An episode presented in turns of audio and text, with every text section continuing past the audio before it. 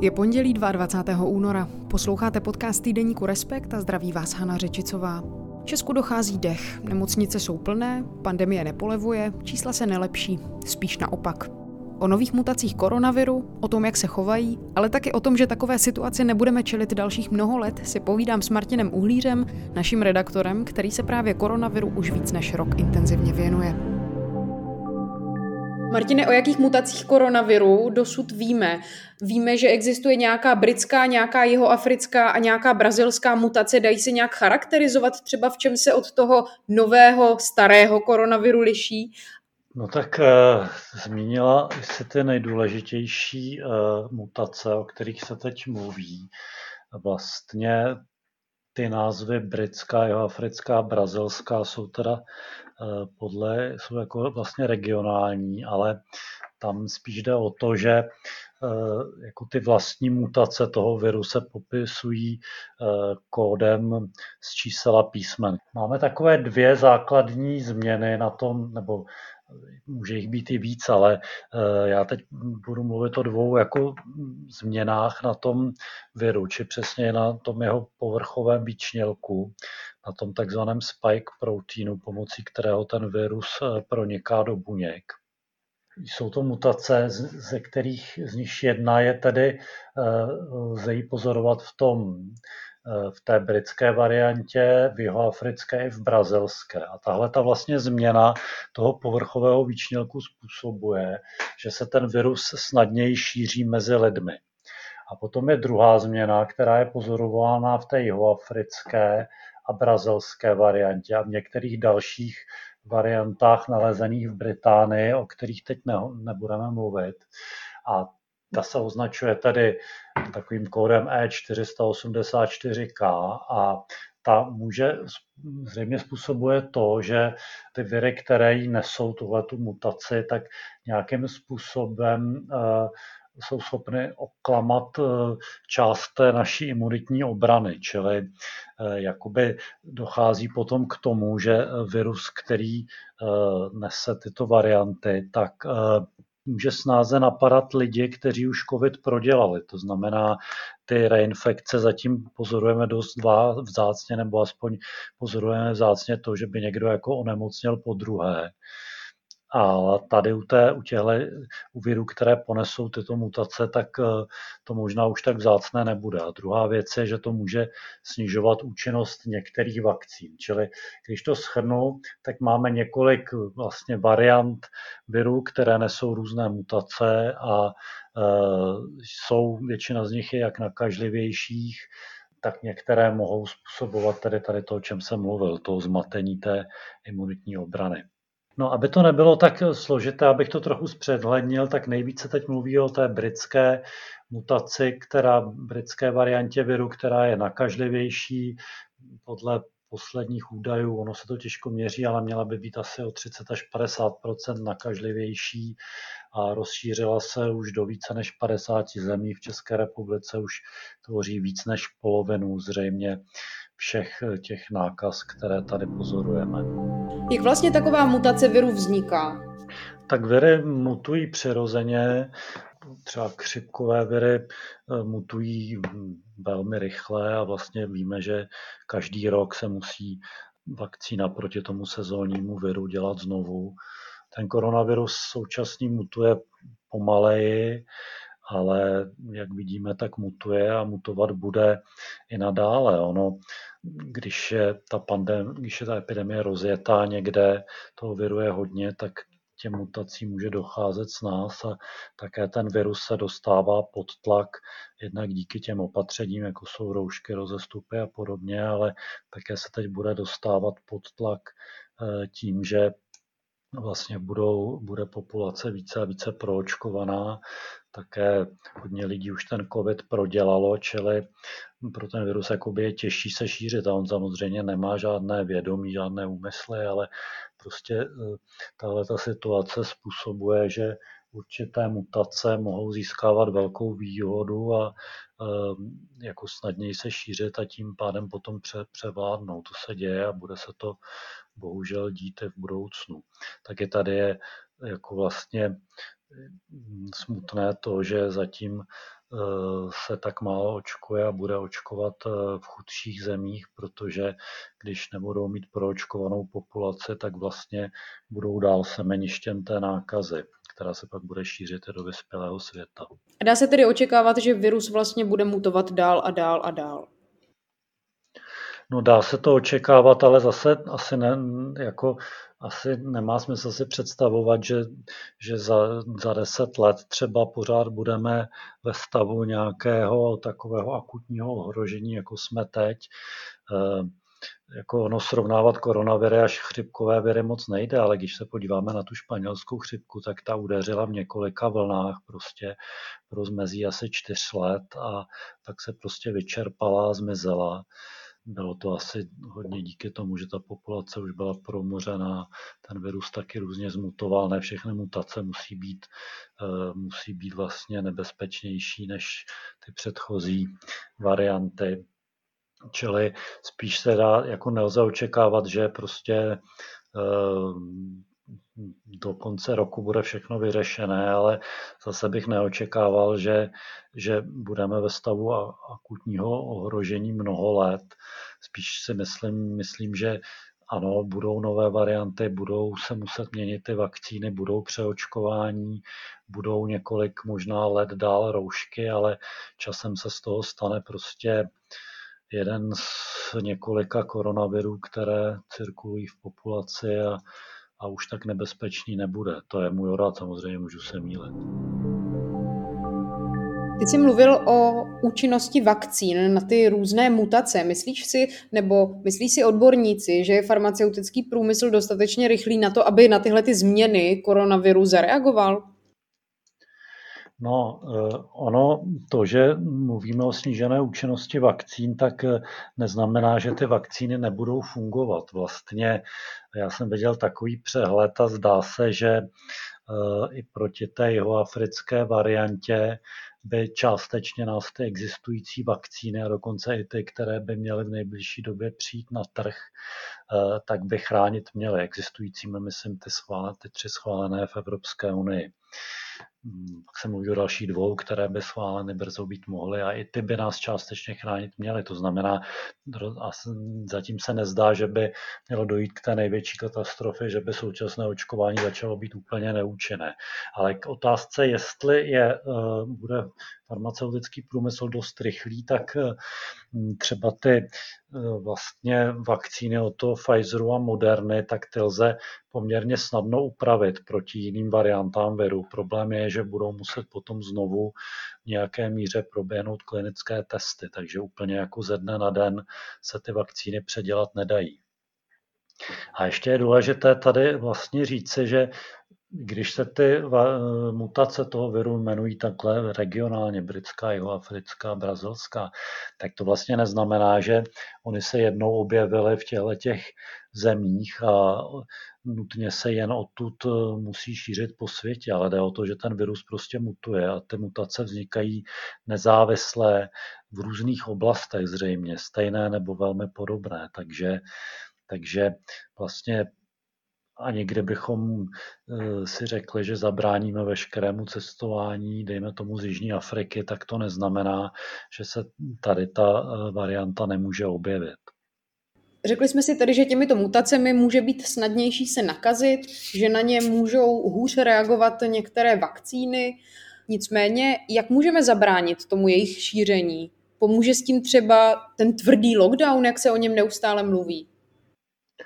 No tak eh, vlastně bez ohledu na to, jakou mutaci, o jaké mutaci mluvíme, tak vždycky omezení vzájemných kontaktů pomůže. Při těch, u těch nakažlivějších mutací, jako je ta britská, tak je vždycky dobré omezit ty vzájemné kontakty více. Čili ano, tvrdý lockdown podle mého názoru by pomohl, eh, pomohl by na čas alespoň snížit tu nálož viru v populaci, pomohl by prostě sploštit tu vlnu, eh, kdyby trval eh, další dobu, tak by asi uvolnil přetížené nemocnice ale eh, není to jako jediný prostředek a bylo by vždycky dobré ho doprovodit dalšími opatřeními. To jsou třeba teď ty povinné respirátory, hromadné dopravy a podobně.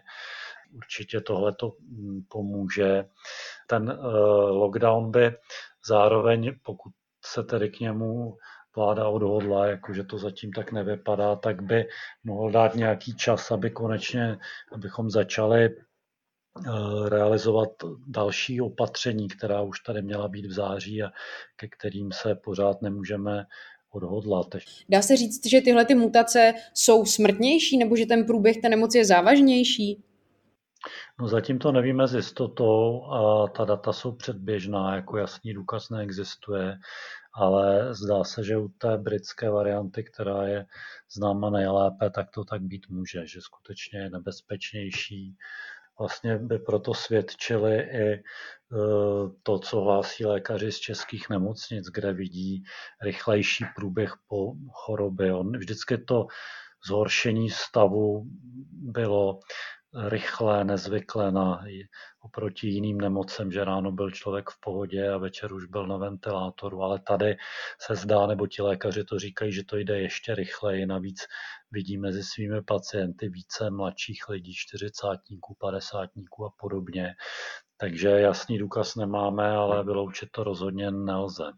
Pojďme se vrátit k tomu, jak si vlastně můžeme pomoct. Určitě se budeme dál ještě bavit později o těch eh, různých opatřeních. Taky asi je třeba zmínit plošné testování, antigenní testování, které je stále ještě zdarma dostupné na různých místech po celé republice. Ale co očkování? Jak vlastně celé očkování pokračuje?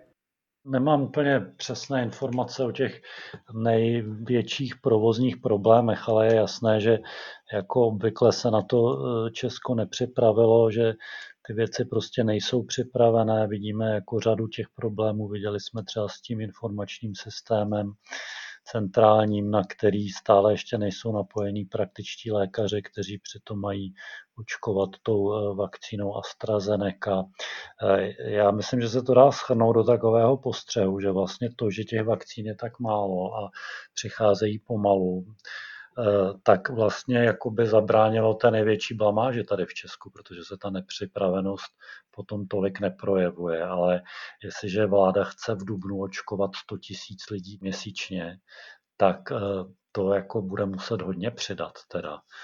Eh, ať už, ať už prostě v té organizaci faktické, to znamená v terénu, aby se očkovalo i o víkendech, aby se rozjela ta očkovací centra, aby měl kdo očkovat, aby bylo dost eh, zdravotníků, tak eh, v té digitální rovině toho rezervačního systému. Co vlastně dál, Martine, se dá dělat? Ta situace se opravdu nelepší, spíš naopak, tak si říkám, co nás vlastně čeká teď? Jak dlouho to ještě bude únosné, tady tahle ta situace? No tak ono to únosné už moc není, no, ale pokud je o to, eh, co, co dělat dál, tak vlastně my spoustu těch věcí zmiňujeme v respektu už opravdu od toho podzimu a ono se to stále jako nehýbe nebo se to hýbe jenom málo.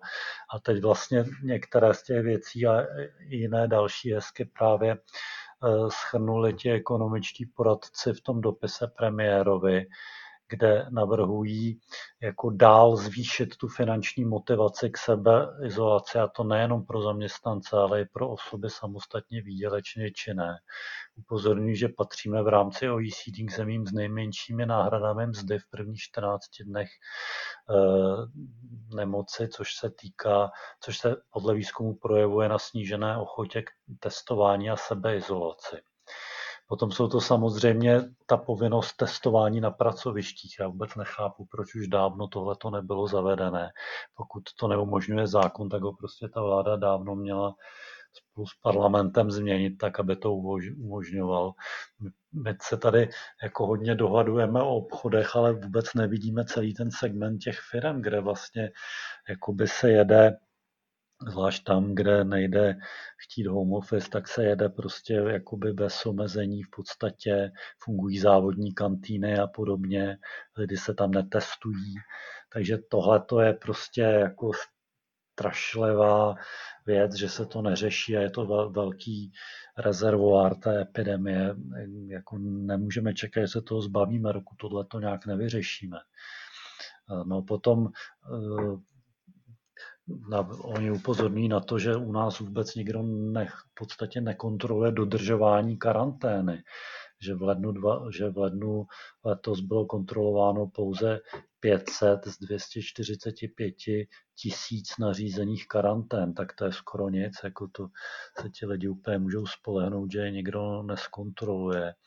A vidíme, že asi jako policie je určitě teda taky hodně vytížená, ale vidíme, že když je potřeba uzavřít tři okresy, což je asi taky důležité opatření, ale jakože ta policie to najednou začne zabezpečovat, čili není jasné, proč vlastně už celé měsíce nekontrolujete karantény. Eh, dále navrhují přenést odpovědnost za dodržování opatření zákazníky na majitele nebo provozovatele těch různých provozů, třeba obchodů, aby byli zodpovědní za to, že tam skutečně lidi mají roušky nebo teď ty respirátory a podobně. Eh, dále by bylo dobré, protože my, jako my vůbec jako neuvažujeme strategicky do budoucna a vždycky jenom jednáme s obrovským spožděním, tak by bylo důležité jako už teď promýšlet, eh, jako co udělat, aby co udělat, připravit se na situace, kdy prostě už bude možné nějaký ty služby a obchody otevřít, jako jestli třeba v některých těch službách bychom se neměli prokazovat negativním testem a nějakým způsobem tenhle systém začít připravovat. Samozřejmě eh, budovat připravovat to testování v těch školách, kde otevření školy prostě jako velmi rizikový krok a jestli se to nezvládne, tak eh, to nedopadne dobře. Čili jako je celá řada dílčích věcí, které se dají dělat a podle mého názoru je, by bylo potřeba ideálně udělat v kombinaci s tím tvrdým lockdownem, ne místo něj. Mluvil jsi o strategii, která vlastně taky docela dost pokulhává. Co se dá dělat dál politicky? Politicky je prostě problém v tom, že jak vláda, tak opozice se rovným dílem zasloužily o to, že ačkoliv jsme měli od začátku ledna ta varování před tou britskou mutací, ehm, byli to experti, kteří říkali, máme 6 týdnů na to se, zhruba 6 týdnů na to se připravit na to, že to exploduje, ta epidemie, způsobem, který jsme ještě neviděli tak eh, vlastně tady se jako jsme se mentálně přepli do klimatu, že budeme rozvolňovat. Tlačila na to opozice, vláda tomu tlaku jako podlehla, takže tady se poslední 14 dní vlastně debatuje o rozvolňování.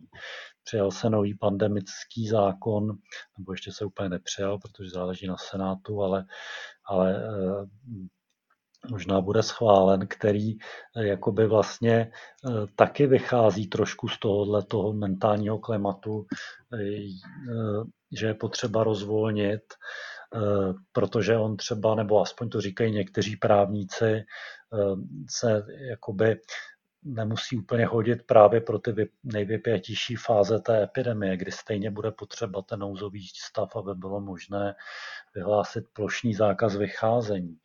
To znamená, že politicky je prostě problém v tom, že eh, v podstatě všechny parlamentní strany nebo jejich většina mm, jakoby naskakuje na tuhle tu rétoriku. Je to částečně pochopitelné, protože lidi už toho mají strašně dost a je hrozně dobře se jim dá zavděčit tím, že se o tom rozvolňování bude mluvit, ale prostě bohužel jako čas na to podle mého názoru není a čas je spíše na nepopulární opatření, jak, to jako v té politice řešit, eh, to já nevím. No, tak ty strany by měly nějak prostě jít do sebe a víc spolupracovat. A když ještě na chvíli zůstaneme u očkování, jak vlastně hovoří čísla? Bude tady dostatek vakcín pro přeočkování a pro dostatečné proočkování populace? No, já myslím, že jich dost bude, ale ne, nebude ji dost úplně hned teď na jaře, že vlastně já jsem zmiňoval ten plán naočkovat 100 tisíc lidí měsíčně v dubnu nebo v květnu a na tohle to tady dost vakcí nebude, protože to znamená 3 miliony lidí prostě měsíčně. Ale jako když to vezmeme v delším časovém horizontu a budou ty dodávky přicházet tak, jak mají, tak jako do konce léta nebo řekněme do konce srpna by skutečně mělo být možné naočkovat. Hovoří se, že je potřeba aspoň 60% lidí naočkovat, takže to si myslím, že jako z hlediska počtu vakcín by možné být mělo a dokonce i kdyby z nějakého důvodu selhaly ty další vakcíny, které mají přijít na trh, tak jenom vlastně ta aspoň pokud se dívám správně na ty grafy, úplně přesně jsem to nepočítal, ale z těch grafů se zdá, že to tak je, tak jenom ta vlastně uh, Pfizer, Moderna, AstraZeneca, tak by to měly jako pokrýt. Čili, čili jakoby uh, lze říct, že my vlastně jakoby žádné exotické vakcíny neschválené Evropskou unii v tomhletom půlročním horizontu nepotřebujeme a měli bychom vystačit s tím, co má Evropa nasmluváno. To byl redaktor Martin Uhlíř, který se tématu věnuje i v aktuálním čísle časopisu. Kromě jeho textu v něm najdete obrovský článek kolegů Ondřeje Kundry, Tomáše Brolíka a Petra Horkého o současné situaci, nebo třeba taky rozhovor Silvie Loder se sociologem Martinem Buchtíkem. Mluvili spolu o chuti nechat se očkovat, nebo taky o rostoucím počtu lidí, kteří požadují přísnější opatření a víc už se toho do dnešního podcastu nevejde. Na stáncích a v trafikách už teď najdete aktuální číslo časopisu, stejně tak na našem webu nebo v aplikaci Respekt. Díky moc, že jste nás poslouchali. Poslouchat můžete dál ve svých podcastových aplikacích nebo taky na našem webu respekt.cz. Těším se za týden. Hana Řičicová.